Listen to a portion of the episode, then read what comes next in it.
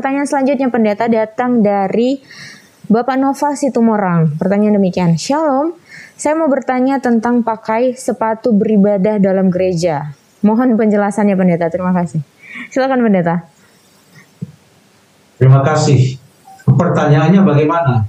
Saya mau bertanya tentang pakai ini sepatu. Saya mau bertanya tentang pakai sepatu beribadah dalam gereja.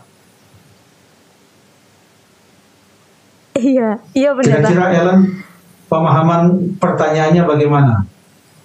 Uh, mungkin pertanyaannya bisa nggak ya pakai sepatu di dalam gereja gitu kali pertanyaannya pendeta. Oke, okay, terima kasih.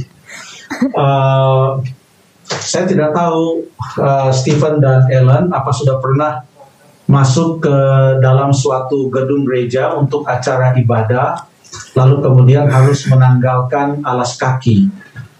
Apa sudah pernah? Saya sudah pernah melihat pendeta.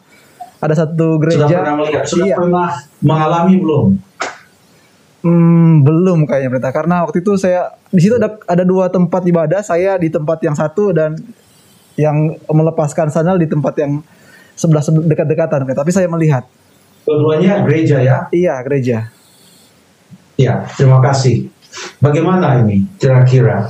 Saya sudah pernah memang lebih sering masuk di dalam gereja untuk mengikuti ibadah di mana semua yang masuk mengikuti acara kebaktian mengenakan uh, alas kaki. Entah sepatu, ada yang pakai sepatu sandal. Tapi sudah sering juga saya masuk ke gereja di mana semua yang ikut berbakti menanggalkan uh, sepatu mereka, lalu kemudian masuk hanya dengan kos kaki atau tanpa kos kaki. Tapi ada juga gereja yang sudah pernah saya masuk, bahkan saya pernah berkhotbah di sana, uh, masuk ke dalam gereja, lalu kemudian uh, buka sepatu kita, tapi gereja itu sudah menyiapkan sendal khusus yang bersih, yang semua hampir sama warnanya, dan semua yang masuk ke dalam gereja itu menanggalkan alas kaki mereka dan mengenakan sendal yang sudah disediakan oleh gereja itu. Ada berbagai macam uh, apa namanya hal yang dilakukan tetapi apa prinsipnya kira-kira dalam hal ini? Memang kalau kita baca dalam keluaran pasal yang ke-28, ayat 1 sampai ayat yang ke-43, bukan untuk kita baca sekarang, tapi kalau kita lihat, coba uh, Stephen dan juga Ellen buka di keluaran pasal yang ke-28, itu apa judul dari pasal itu? Keluaran 28. pakaian imam mengenai pakaian mengenai imam. pakaian imam. Dan ini cukup panjang loh tentang pakaian imam ini. Ini dari ayat 1 sampai ayat yang ke-43 mengenai dia punya jubah, dia punya sorban, kemudian dia punya jubah itu di ujung-ujungnya bagaimana, lalu jubahnya itu harus berlapis, ada yang bagian dalam, kain lenan, bagian luar, ada dia punya yang ada di dadanya, efodnya, warnanya seperti apa, kalau ada batu, urim dan tumim di efodnya itu seperti apa, eh, warnanya seperti apa, jenis lenannya seperti apa, semuanya dibahas dengan begitu rinci. Tapi di keluaran pasal yang ke-28 ini sayangnya tidak ditemukan keterangan tentang alas kaki mereka itu harus seperti apa. Sendalnya seperti apa, kasutnya harus seperti apa.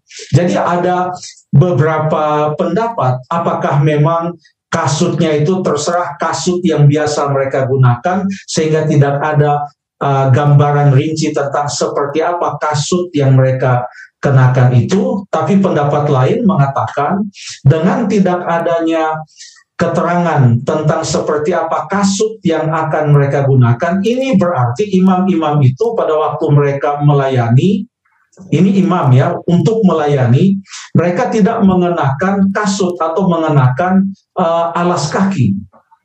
Dan memang ada petunjuk jadi ini semua adalah merupakan pandangan-pandangan untuk menebak atau coba memahami kenapa tentang alas kaki tidak disebutkan dalam keluaran pasal yang ke-28. Lalu kemudian ada yang coba melihat beberapa ayat, contohnya dalam keluaran pasal yang ketiga dan pasal uh, pasal yang ketiga ayat yang kelima dan di Yosua pasal yang kelima ayat yang ke 15 coba kita lihat keluaran pasal yang ketiga ayat yang kelima dikatakan di sana Lalu ia berfirman, janganlah datang dekat-dekat, tanggalkanlah kasutmu dari kakimu, sebab tempat di mana engkau berdiri itu adalah tanah yang kudus. Tempat di mana engkau berdiri itu adalah tanah yang kudus, tanggalkanlah kasutmu.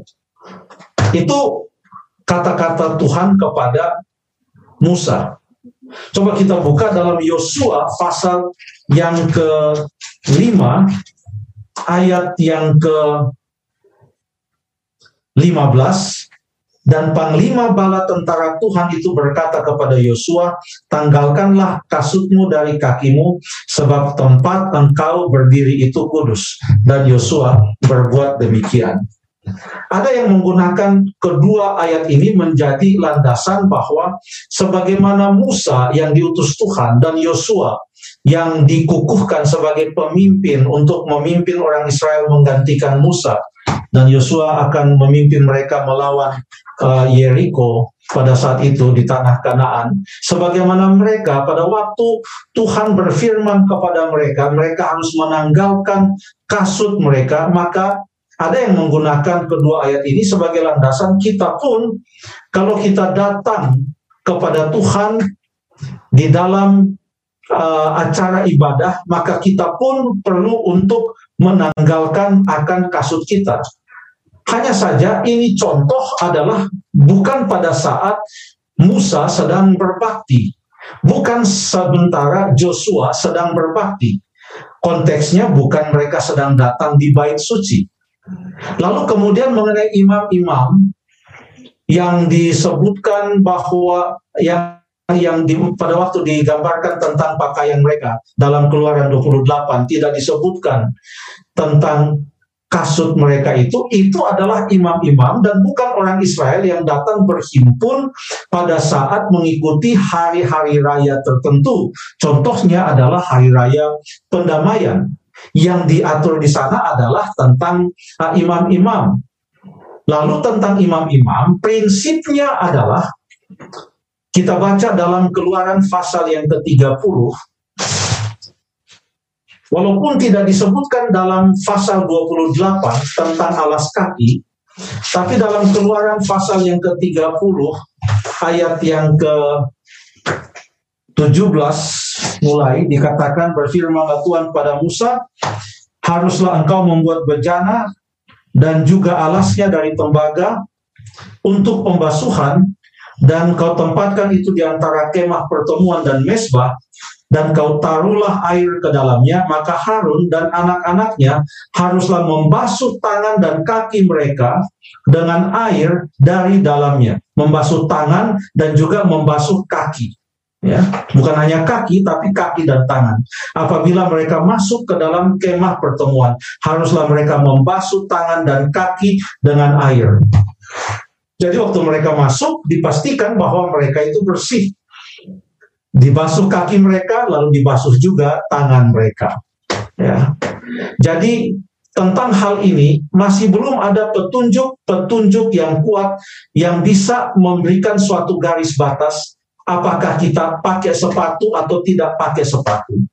Tetapi yang dinyatakan oleh ayat-ayat ini adalah kita perlu mengetahui bahwa di tempat di mana kita berada menghadap Tuhan, biarlah kita datang dengan hati yang bersih, datang dengan tangan yang bersih.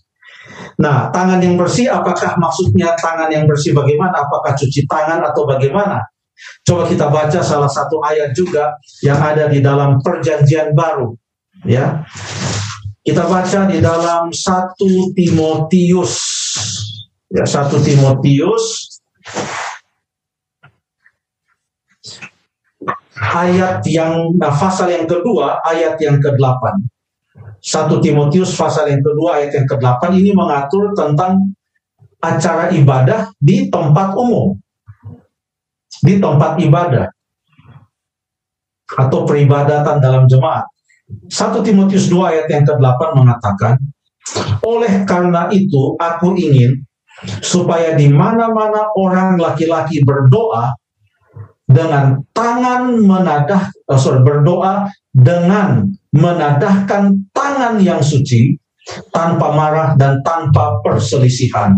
Jadi di sini yang tadinya dalam perjanjian lama itu dikatakan membasuh tangan itu untuk imam-imam, tapi ada juga kaitannya di sini di mana orang yang datang untuk berdoa, orang yang datang untuk berbakti di dalam tempat ibadah, biarlah mereka datang menggunakan istilah dengan menadahkan tangan yang suci. Apa maksudnya menadahkan tangan yang suci?